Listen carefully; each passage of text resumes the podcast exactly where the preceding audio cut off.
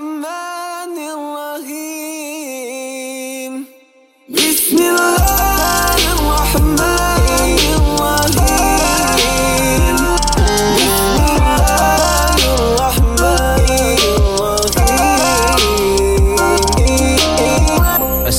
Assalamualaikum warahmatullahi wabarakatuh. Waalaikumsalam. Bagi teman-teman pendengar yang sudi masih lagi eh mendengar NJU walaupun sekarang dah tak ramai, dulu ramai eh. Hmm. FOMO dulu FOMO. Oh. Yang dengan NGU Ha?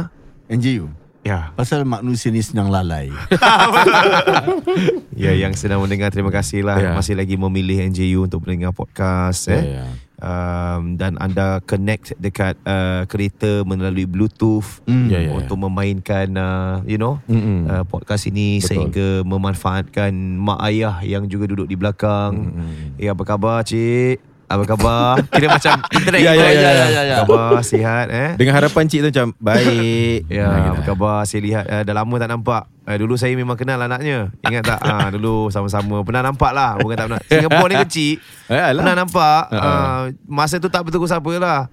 Uh, macam mana cik saya tengok Alhamdulillah eh Makin Alhamdulillah sekarang eh Alhamdulillah Saya doakan semoga kesihatan eh Rumah tangga Kesihatan Hmm. uh, um, Dunia dan akhirat insyaAllah InsyaAllah, amin. Ya, InsyaAllah, amin, amin. Ya. Dah beli kambing Dah Tebak Ha, kita pun buat korban cik ha. Korban kecil-kecil saja Di kota Semarang eh Ha. Kita pun ada ustaz kat sana ni cik hmm. Bukannya apa Jadi sambil-sambil beli uh, kambing ni Dapat juga dengar suara ustaznya Ah. Yang ada di kota Semarang Dengar sikit ustaz Apa khabar ustaz? Eh, ya, Waalaikumsalam. Baik, eh, Cik. Hai. Ya, tak orang tak kita, Cik, ya. Eh, kalau cik tengah dengar kat belakang Dia Ah. boleh rasa part of this conversation Betul, Ya, ya, betul. Macam, eh, macam kita uh, Dalam kereta tu kita bertegur siapa dengan dia Ah itu Ya, dia. uh, Sambil-sambil ni ya Kuliah dia. Uh, Jadi boleh saja menempah kambing Tapi lebih tepat lagi podcast ni bukan khas beranda Oleh teman-teman kami di ASA Realtors Okey bagi mereka yang nak dapatkan konsultasi hartanah kalau bagi cik ke abang ke kakak nak jual rumah ke ada masalah tentang faraid rumah ke apa uh, nak downgrade upgrade rumah diorang ada lah boleh hubungi 96336311 ASA Realtors 96336311 Ikuti ikuti Instagram mereka ASA underscore realtors And now it's on to the show. Yalah.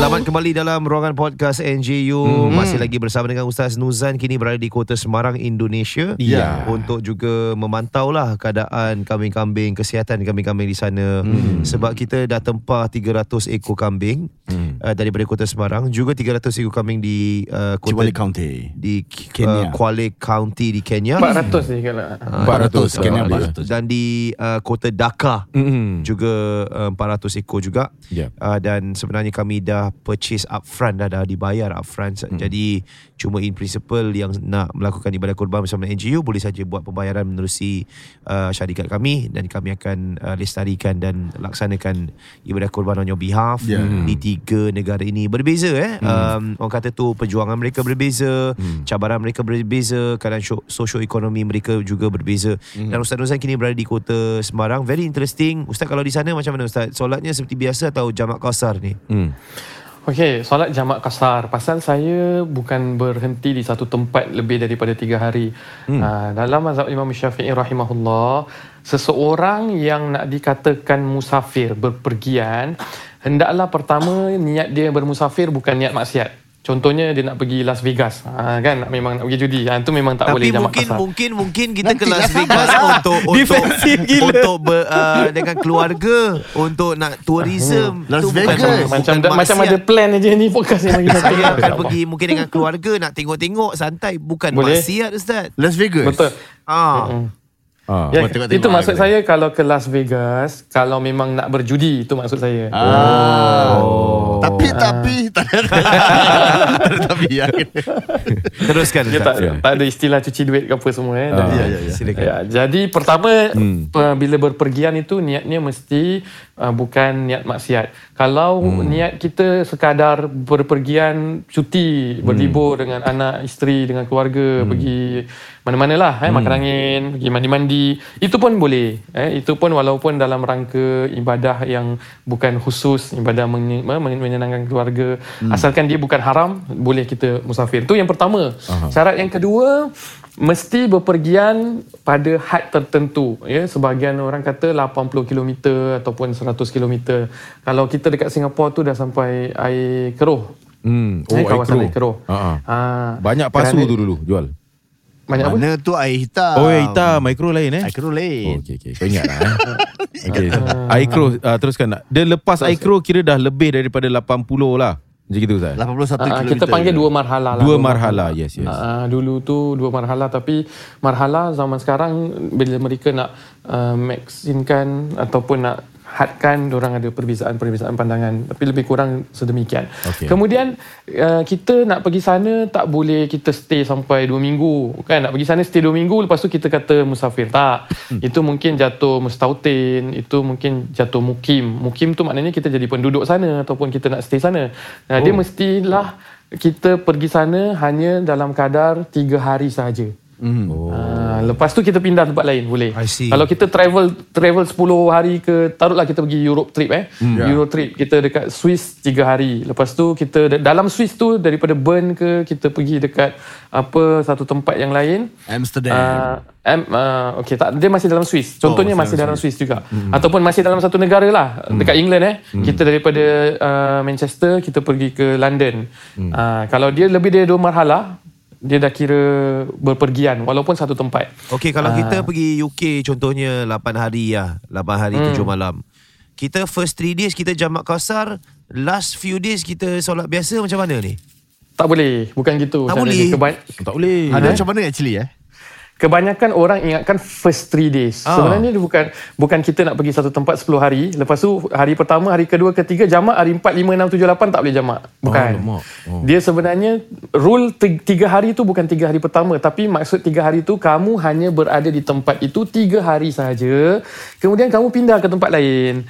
Ah, dan tempat lain yang kamu pindah bukan pindah blok sebelah ke pindah hotel sebelah. Tapi pindah dua marhala lain. Contoh kamu kat Malaysia, tiga hari duduk Johor, tiga hari duduk Pening, tiga hari duduk KL. Ah tu boleh sepanjangnya boleh musafir. Kan Oh. 9 hari kan kamu ada, Yeah. sepanjangnya boleh musafir. Jadi- tak termasuk hari pergi dan tak termasuk hari balik. Contoh kamu pergi hari Senin eh perjalanan Ya. hari Senin pergi. Tu tak termasuk hari perjalanan tak termasuk. Kamu dah sampai tempat tu, besok kira hari pertama, Selasa, Rabu, Kamis, Jumaat kamu balik. Tak termasuk hari balik juga. Jadi kalau kamu pergi Senin, balik Jumaat, stay satu tempat, sepanjangnya boleh jamak kasar. Jadi uh, pada hari-hari biasa tu kita harus solat mengikut uh, jadual fardu yang biasa lah. Betul, empat rakaat tamam dan juga uh, tidak Tiga. disatukan. Jamak maknanya menyatukan zuhur ke asar, asar ke zuhur, menyatukan maghrib ke isyak, isyak ke maghrib. Jamak takdim mendahulukan isyak ke maghrib, jamak takhir melambatkan maghrib ke isyak. Jamak oh. takdim siang tu mendahulukan asar ke zuhur, jamak takhir siang melambatkan zuhur ke asar. Jadi dah tak boleh jamak ah once more than 3 days. Mana-mana kita pergi kita kena solat ikut fardu seperti biasa lah. Betul. Jamak oh. tak ada, kasar tidak ada. Melainkan kalau memang ada masalah-masalah darurat Ah, ya ataupun darurat tu tu. tidak mengetahui. Ah. Apa Ah, apa dalam- definisi darurat? Ah, Okey, dalam definisi sekarang. darurat ni Ustaz ada satu soalan sebenarnya. Hmm. Uh, dia kata salam Ustaz daripada Mak Peah ni dia tanya salam Ustaz bolehkah kita solat jamak dibuat uh, jika pekerjaan kita tak membenarkan solat lima waktu on time. Contoh police officer doing long deployment dekat security events. Hmm, Tapi okey, kita tak travel 81 km. Macam kita nak jamak. Bagus. Ini soalan yang bagus Mak PR. Itu tadi sebenarnya saya nak sambung tadi. Mengenai jamak ada keringanan dalam mazhab Syafi'i sendiri ya. Walaupun mazhab-mazhab lain ni ada macam-macam jawapan bukan 3 hari, ada mazhab 15 hari pun tapi kita ambil yang memang majoriti ya berpegang sedemikian. Kalau dia tidak bermusafir tetapi pekerjaan dia menu, apa, menuntut dia untuk melakukan kerja-kerja. Ha, ini yang kita katakan walaupun tak sampai darurat tetapi ke, ke apa penetapan kerjanya sedemikian hmm. seperti halnya orang polis yang kena jaga long deployment dekat security event. Hmm. Ha, tapi tak boleh every day dia ada security event lepas tu dia kerja seterusnya demikian tak boleh. Kalau dia memang hmm. every day kena jaga event kan, maka ha. dia kena cari jalan ha. untuk dia solat zuhur sekejap, solat asar sekejap, bincang dengan bos dia dan sebagainya. Hmm. Tapi kalau sekali sekala kan ada hari perayaan National Day itu dibenarkan. Kata Imam Nawawi dalam mazhab Syafi'i katanya asalkan ghairu apa tidak dibiasakan perkara ini bukan dibiasakan, bukan satu kebiasaan. Oh. Seperti halnya doktor yang perlu operation long, operation theater sampai 12 jam. Uh, dia bukan every day dia ada operation macam tu. Uh. Kan? Dia bukan satu benda yang dibiasakan, uh. maka dibenarkan. Uh. Ustaz tengok. Ustaz main-main. Ustaz main-main Ustaz. Kita main-main. Okey. Teruskan Ustaz. Ah. Itu saja eh. Oh, itu saja.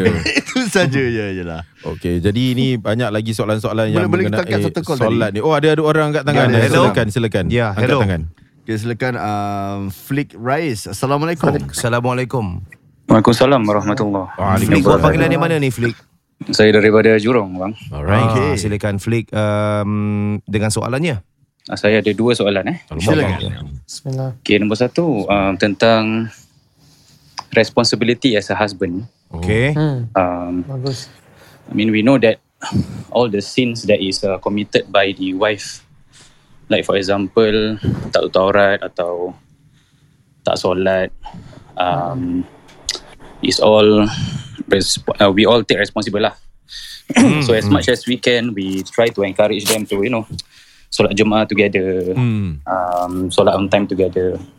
Okay, so my situation is that, uh, or rather, my question is that, until when does this responsibility ends? For example, um, so far, like let's say I go solat subuh eh, uh, in at the mosque lah, for example lah. Okay.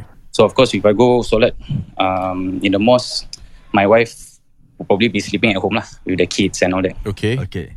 But sometimes after solat, then I will have my own activities. You know, I, I maybe I run around or not run around, I say workout, workout, Oh, exercise, and so I don't have time to go back home and actually check up on her. You get what I'm saying? Yeah. Or rather, like um, she does set her, her alarm, but uh, most of the time I need to be there. Like, uh, sayang bangun subuh. Oh. Bangun semua. Yeah. So so the thing is, you know, if let's say now there are times like macam maybe she might miss subuh, then do I feel should I feel guilty? Lama aku dah pergi subuh dekat, you know, because of me going to Masjid. to the mosque to pray. Yeah. Then my wife never get to pray. Then you know, does it fall on me? I, I feel like macam so where where does it end?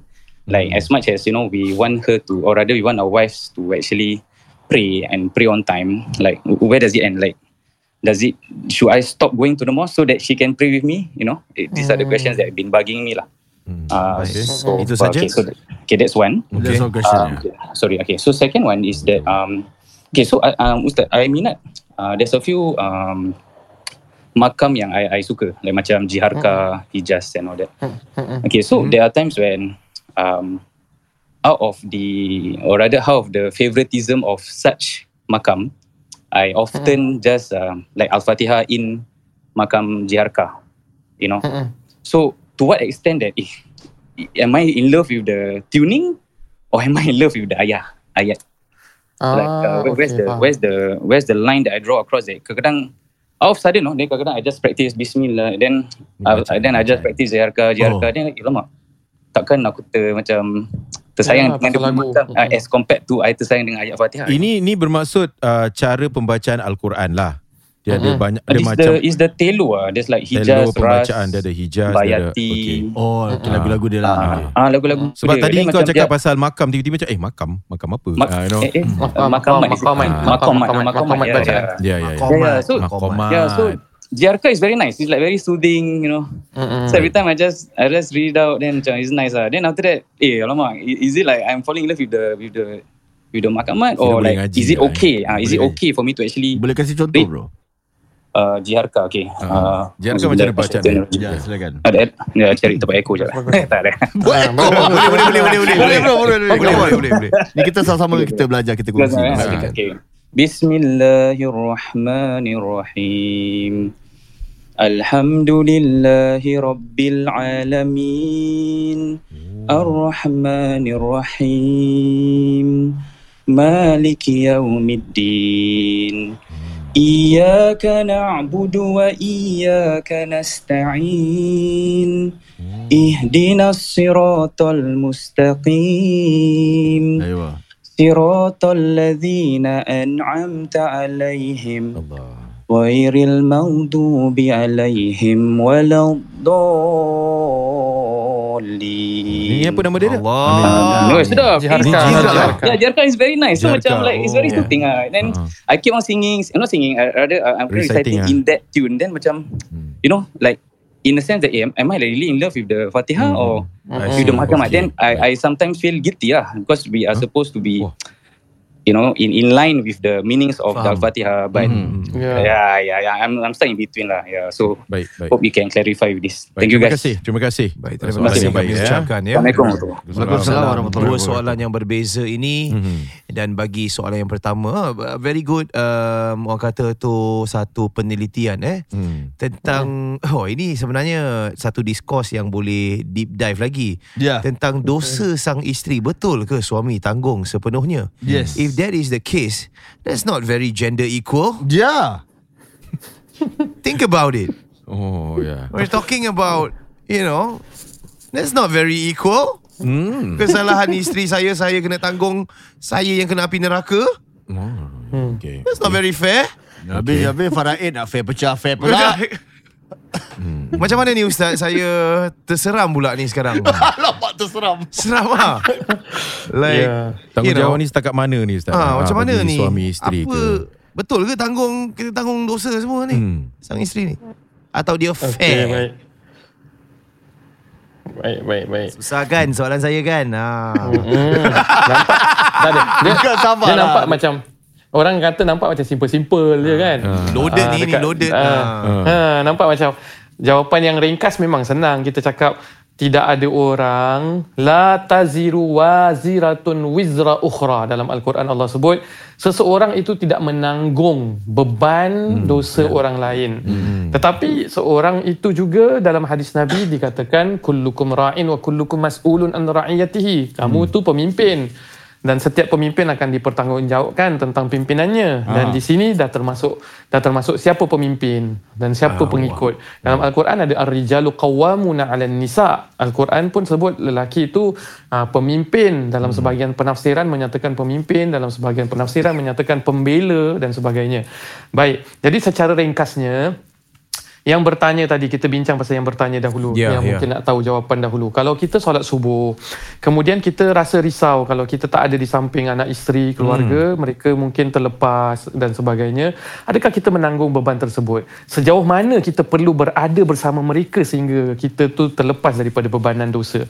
Jadi jawapannya adalah kita sebagai ayah, sebagai suami, tanggungjawab kita adalah pertama memastikan mereka solat iaitu dengan kata-kata kita, dengan nasihat kita, dengan usaha kita.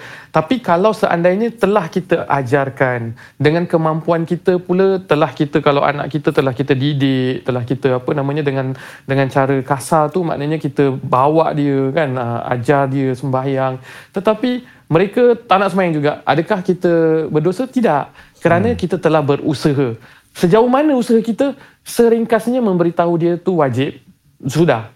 Dia tak boleh cakap ah, aku saya dah sudah semayang. Ki- Kita kita tak boleh macam dah lah ustaz saya apa dah lah ya Allah aku dah sudah semayang dia tak nak semayang. Tak boleh gitu kita tetap kena usaha. Tapi sekarang usaha dia sampai mana? Ya, kan? Sampai mana aku ni dah tak berdosa? Aku ni sampai Ya. paranoid ke tak boleh tinggalkan isteri, anak isteri aku? Bukan sampai sedemikian. Se, apa hadnya adalah sebagaimana kita telah menampak satu kemungkaran itu, kita telah nasihatkan, kita telah doakan, kita telah usahakan semampu kita saja. Semampu kita. Jadi jangan sampai kita tak boleh pergi semayang, tak boleh pergi kerja, tak boleh apa-apa semata-mata nak jaga mereka tidak. Semampu kita. Jadi kemampuan seseorang tu berbeza-beza. Uh, jadi kalau kita punya kemampuan kita rasa masih boleh sampai sini, ya sampai sini. Kalau kita rasa dah aku tak mampu dah sampai aku sendiri tak boleh nak teruskan kehidupan aku kalau jaga orang aja semua, uh, maka kita sudah melakukan kewajipan kita untuk menegur, untuk mendidik. Uh, yang lain terserah mereka masing-masing. Hmm, uh, tapi mereka tak kita tak menanggung beban dosa mereka. Itu yang pasti. Okey. Jadi Ah, ah. Okay, baik. Uh, yang soalan kedua ni macam mana Ustaz? Hmm, Okey, itu maqamat. Maqamat tu perkataan maqam tu bukan mesti kuburan ya daripada perkataan orang maqamat. tak eh, faham. Ustaz. Ha. ah. Ya kan makan Habib Nur ke apa eh. Saya pernah Ah, pergi kan nak, bukan. nak pas lesen kapal terbang kan Dulu lah dulu. Ya. Soalan kedua Ustaz. Itu tajuk yang lain tu ya kalau Ya. bernazar ke makam nanti. Jadi bila seseorang itu ke makam eh, ke apa kan dah termasuk makam. bila seseorang itu Ni pembacaan Pasal- pembacaan Ustaz. Pembacaan. Ah. Pasal saya, saya pun pergi Indonesia Saya ziarah makam Tapi ziarah Ya, ya. kita memberi salam Salamun alaikum bima sabartum Fa ni'ma uqbaddar Jazakumullah khairal jazak Anna wa anil islam wal muslimin Sejahtera kepada kamu Terhadap apa yang kamu dah perjuangkan Semoga kamu diberi ganjaran oleh Allah SWT kan? Ya. Bukan minta-minta kat situ Jadi kita mencari inspirasi Atas perjuangan mereka Supaya kita juga kekal yang masih hidup ni Masih berpeluang untuk berjuang Mereka telah lakukan perjuangan mereka Dalam kehidupan mereka Sekadar itu kan Maqamat dan moga-moga di, dihimpunkan bersama orang-orang soleh. Jadi jadi itu perbincangan lain panjang nanti ya bab Ya. tawassul, bab istighatsah, bab ziarah makam. Ini suat, ngaji, ngaji kita tadi dia baca jiharka. Ya dalam al-Quran ada bayati, ada hijaz, ada nahwan, ada jiharka. Ya. Setiap daripada lagu-lagu ni dia kena dengan ayat-ayat tertentu. Kalau ayatnya mengenai contohnya ayat-ayat yang ancaman, ah lagunya lain. Kalau jiharka lebih kepada mendayu-dayu. Hmm. Ayatnya memujuk-mujuk, ayatnya menceritakan tentang peristiwa-peristiwa yang sedih. Ha tu jiharka. Ya. Jadi sekarang yang bertanya dia kata, saya dah terlalu engross dengan lagu. Berdosa tak? Sedangkan patutnya yang kita minta mentadaburi ayat ataupun menghayati ayat tersebut. Jawapannya tidak berdosa. Al-Quran ini bila dalam tafsiran Al-Quran Allah sebutkan afala yatadabbarun Al-Quran tidakkah kau mengambil iktibar afala ta'qilun itu bukan satu tuntutan wajib tetapi itu adalah satu perintah yang kita hendak bagaimana bermuamalah dengan Al-Quran. Ah, Ada orang dia baca, dia baca baca baca baca tapi dia tak dia tak memahami tak boleh cakap berdosa juga. Ya. Hmm. Uh, uh, jadi ada orang dia dia baca dia faham tapi dia tak hafal. Ada orang dia hafal tapi dia tak faham. Ada orang dah faham baca hafal tapi dia tak amalkan. Jadi Alamak. itu peringkat-peringkat yang berbeza tidak sampai menjadi dosa tetapi perlu kita mencari kesempurnaan. Setelah kita menghayati pembacaan inna qaumi ittakhadhu hadzal qur'ana mahjura dalam al-Quran Allah ceritakan kaum aku telah menganggap al-Quran ini sebagai satu benda yang dikesampingkan. Kesampingkan bacaan dia, kesampingkan fahaman dia, kesampingkan amalan dia. Jadi jangan sampai kita dah terlalu engross dengan lagu kita mengkesampingkan pemahaman dan me, uh, me, tidak menitik beratkan terhadap hafalan, terhadap amalan. Itu saja. Ha, tapi tak jadi dosa. Malah kalau bacaan kita contohnya tadi dibaca dalam NJU boleh menggugat dan boleh membawa minat hati orang lain mendengar malah dapat pahala. Ha, so ini bab level-level sahaja. Tidak sampai jatuh dosa ataupun pahala tetapi lebih kepada bagaimana peringkat-peringkat memperbaiki diri dalam bermuamalah dengan Al-Quran. Itu saja. Hmm, baik, terima kasih Ustaz atas uh, penjelasan uh, awal tadi. Dan uh, kita akan berehat seketika bersama dengan teman-teman penaja.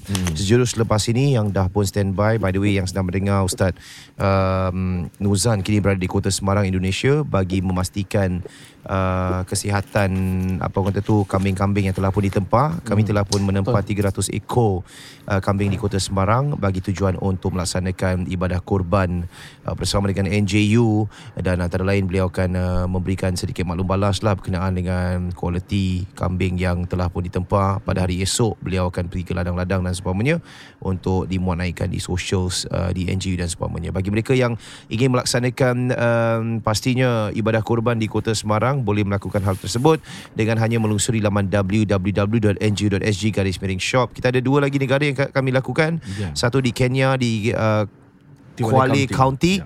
dan juga seterusnya kami melaksanakan di kota Dhaka di Bangladesh. Uh, pastinya kita berehat seketika bersama dengan teman-teman penaja sejurus lepas ini. Stand by. Jadi bagaimana Ustaz? Podcast NJU Akan kembali selepas ini Sana Shwaya Ma'ana Podcast ini dibawakan khas kepada anda oleh ASA Realtors bagi yang memerlukan konsultasi hartanah secara percuma boleh hubungi mereka di talian ini 9633-6311 9633-6311 Ikuti Instagram mereka ASA underscore realtors. Mhm. kita Maksud- masih lagi ya. bersama dengan Ustaz Syahid Mhm. daripada ASA Realtors dan juga Ustaz Nuzan kini berada di Indonesia sedang Ya. berehat seketika Mhm. uh, dan beliau dalam sesi rakaman uh, NJU Yes, sambil-sambil uh, makan nasi goreng Mhm. Hmm. Kalau Ustaz Nuzan tak ada, Ustaz uh, Syahid tak ada, Hmm. siapa nak teruskan NJU? Ah betul juga. Takkan kita tiga Yalah nak jawab macam mana? tak qualified. Ya betul. ERS pun tak ada. Mm-mm. Apa yang kita ada? Mm-mm. Jadi uh, ni mungkin kita nak terus uh, tanya soalan kepada Ustaz Syahid ya, Hmm. uh, ejen Sila, sila. hartanah yang mungkin yang memang kita boleh percayai ya. Of course. Takkanlah Ustaz nak tipu, nak bohong, tak ada. Yalah. Hmm. Eh ini jual jual beli rumah. Ah kau ingat nak beli apa? Beli singlet. Ah. Ah. ni jual beli rumah mahal ni. Oh, ya, ya, Jadi ya, ya. dia ada tanggungjawab yang besar. Betul. Ah, bukan sekadar untuk memberikan sikit sebanyak uh, sharing lah eh dalam segi ilmiah tentang hartanah dan sebagainya. Dia Hmm, juga ya. akan menjaga uh, dalam segi muamalat yang baik lah. Ui. Ah, muamalat yang baik. Ah. Uh, Jadi saya nak tanya uh, Ustaz Syahid Silakan ni tanya. tentang uh, kes cerai. Mhm. Okay. uh, mungkin uh, pendapat atau ataupun pandangan ya. Hmm. Sebenarnya dalam divorce case ni kadang-kadang uh, the husband will call you first Depends. ataupun the wife will Mhm. call you first. Aha. Jadi bila let's say contoh si isteri call you dulu datang buat pengiraan ni semua kan. Then after that the husband pula tak percaya you tau. Dan Okay. dia akan nak gunakan khidmat ejen lain. Macam mana you handle that kind of situation? Pasal memang kita kes cerai memang orang ada hak masing-masing lah. Pasal orang dah tak sehaluan kan. Hmm. Maknanya isteri mungkin ada ejen yang dia rasa uh, dia percayai. Hmm. Dan husband pun mungkin ada ejen yang orang rasa percayai. Ya. Yeah. Hmm. So typically kerana ada dua ejen. Tapi depends. Some uh, ada satu case yang kita ambil, ada few cases yang kita kendalikan. Mhm. Both pakai satu ejen. So boleh juga. Hmm. So it depends Oh. oh. eh. Uh, so kalau orang decide to go with their own agent, then own agent akan buat kiraan masing-masing lah. Mungkin Hmm. kalau saya handle untuk uh, the ex-wife, then Okay. uh, handle the ex-wife punya uh, so-called calculations and everything. Ya. Cuma kita nak kena kerjasama dengan agent yang lagi satu tu lah. Mhm. Cuma kalau kita yang sendiri handle dua-dua, uh, lagi senang lah. Pasal kita dah tahu dia punya uh, amount, kita tahu dia punya uh, what they call it, calculation semua. Ya. Ya. Cuma kadang-kadang macam uh, Razi katakan lah, dia tak percaya. Mhm. Jadi ingat kita ambil agent ni Mak ini agent Agent ni nak Kira nak sidekan dia punya Side dia ex-wife uh, lah, Ex-wife ke Nak lah. sidekan dia punya Ex-husband dan seterusnya lah Hmm. Ya so that thing happens ya, So kita akan lalui lah pernah Jadi tak pernah pernah berlaku yang mana um, you dekat tengah-tengah Mhm. dari ex husband dengan ex wife engage you hmm. dan dua-dua kira dah berbual buruk antara satu sama lain dekat you. Oh. No dekat me Hmm. So far Alhamdulillah tak pernah tak pernah. Tapi uh, I have covered macam The dua-dua husband and wife Engage Yeah. me seorang kan Hmm. Pernah lah Tapi kira dua-dua tu tak hubung So you jadi orang tengah So Right. anything goes to the house Nak kena bilang uh, ex-wife Nak kena bilang ex-husband So both of them dah tak communicate lagi Hmm. Ah, even macam kita nak turun lawyer eh, kita pernah dapat yang kata okay, make sure uh, the ex-wife tak ada dekat lawyer law firm eh. Ah, yeah. Dia tak nak jumpa. tak boleh jumpa, tak boleh bersemuka lah ah, kira tak semuka, Oh. tak boleh semuka. Sebab ada. So kita harus uh, hormatilah uh, orang punya own uh, what they call it pa- pandangan, orang punya own preference dan seterusnya. So kita ikut uh, apa yang orang nak dan kita buat dia punya whole transaction uh, insyaallah smoothly lah. Jadi- Apa persiapan yang perlu um, pasangan tu ada sekiranya mereka nak bercerai dari sudut hartanah? Dari sudut hartanah, orang perlukan satu benda ni panggil court order. Okay. Hmm. Nah, jadi dalam court order tu akan state lah rumah ni harus dijual di pasaran terbuka open market. Okay. Dan dia punya division berapa Mungkin ex-wife dapat 60 Ataupun uh, ex-husband dapat 40 dan seterusnya Ini kena So- pakai lawyer eh? Kena pakai lawyer Oh. Ah, Oh, kena pakai lawyer apa bagus? uh, Kita basically ada partners lah In the sense that Oh, lawyer ada? pun Ya yeah, memang kita as realtors Kita ada all the uh, Contacts lawyer lah kira. Contacts lah uh, Lawyer punya partner Banker punya partner Hmm. Pasal kita nak kena make sure The whole deal uh, goes through nicely kan So Yeah. kita nak kena uh, work together lah Hmm. Ya, so diorang nak kena engage lawyer Then from lawyer nanti diorang akan tengok punya court order I So see. court order ni dia akan makan masa. Kadang-kadang orang ada certain disputes kan. So Ya. lagi lama lah punya court order tu nak keluar. Hmm. So ada court order keluar cepat, ada court order keluar lambat. Kalau orang masih ada certain things yang orang masih tak agree. Ya. Mungkin ada starting kata 60-40 tapi Hmm. satu pasangan tak agree. Right, Uh, right. custody anak ada yang tak agree dan seterusnya. So dia mungkin makan masa. Cuma kita nak jual kena ada benda tu baru kita boleh uh, jual rumah tersebut. Ada tak macam uh, sang isteri pula minta duit uh, tambahan sebab dah kira tu duit mut'ah dalam uh, profit uh, jual beli hartanah tu. Maksudnya sang suami kan nak kena Mhm. bayar Mhm. uh, duit uh, pampasan atau duit mut'ah untuk isteri bila dah bercerai kan. Betul? So boleh tak dia macam okey lah aku dah tak nak bayar kau. Uh, kau masuk sekali lah duit yang profit tu aku Mhm. kasih uh, extra percentage this is kira duit mut'ah tu boleh tak? Ada kira dalam court order tu dah akan tulis uh, this division untuk sales proceeds of the house. Uh-huh. This division untuk mut'ah. Semua ada kat dalam. Oh dah apa ada. tu Jadi mut'ah? Apa mut'ah? Mut'ah. Apa Hmm. tu? Uh, tu duit yang kita kasih kepada ex-wife lah. Berapa eh?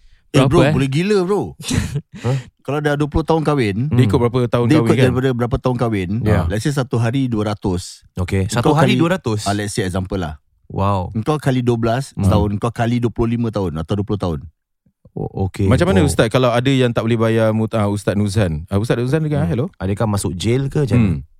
Eh masuk Ha, masuk Ha? eh? Ya ke? Hello Ustaz Nuzan. Tengah makan tak dia ni Hello. Ya, ya, ya, silakan, silakan. ya. Ini isu pasal mut'ah ni berapa Mut'ah ni banyak apa? Kalau ni dalam isu penceraian Ustaz eh? Macam kalau dah, dah berkahwin selama 10 tahun lah contohnya Jadi berapa banyak nak kena bayar sang isteri untuk mut'ah ni Ustaz? Okey. Harga market Mut'ah sekarang ni berapa kita market? kena faham dulu apa maknanya eh. Ya saya Um, pasal ada orang dia cakap muktah. Nah, mari kita pergi ke peperangan muktah. Kali dia cakap mut'ah eh. Mut'ah lain, muktah lain. Muqtadari lain. pun lain Untuk main bola Singapura Mut mut mut'ah ni macam kita kata bukan pampasan lah. Kita kata macam uh, satu wang habuan lah yang kita berikan hmm.